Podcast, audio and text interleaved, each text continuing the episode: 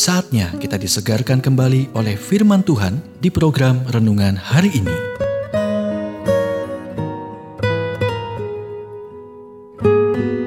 Renungan hari ini berjudul Ketika Anda Gagal, Yesus berdoa untuk Anda.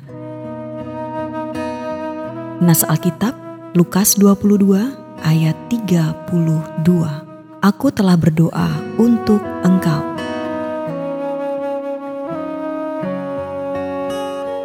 Simon, Simon, lihat, iblis telah menuntut untuk menampi kamu seperti gandum, tetapi aku telah berdoa untuk engkau, supaya imanmu jangan gugur, dan engkau, jikalau engkau sudah insyaf, kuatkanlah saudara-saudaramu.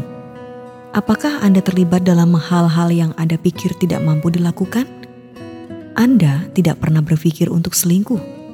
Anda tidak pernah berpikir untuk menipu mencuri, dan berbohong. Anda tidak pernah berpikir untuk menjadi cemburu dan membenci kesuksesan orang lain.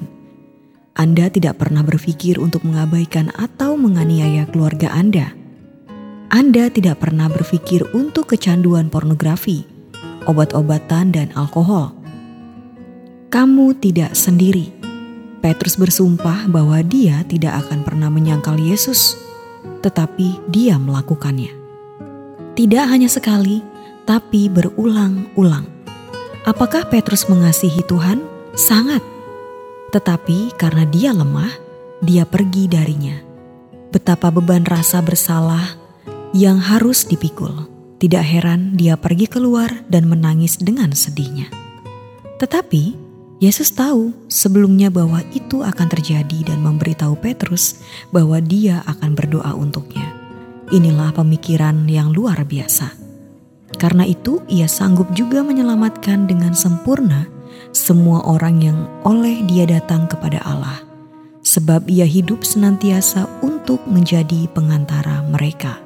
Coba bayangkan, Anda bergumul dengan kebiasaan berdosa, sementara pada saat yang sama Yesus mempersembahkan darahnya yang menyucikan kepada Bapa dan memohon bantuan dan belas kasihannya atas nama Anda.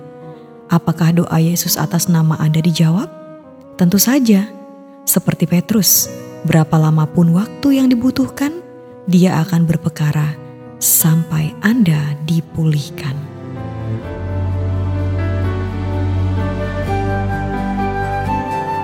Kita telah mendengarkan renungan hari ini.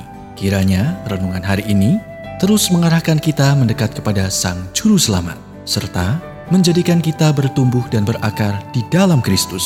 Renungan hari ini tersedia dalam bentuk buku maupun digital dan bisa Anda miliki dengan menghubungi Japri di WhatsApp 0812 8784 7210 atau email ke infoapripusat@gmail.com.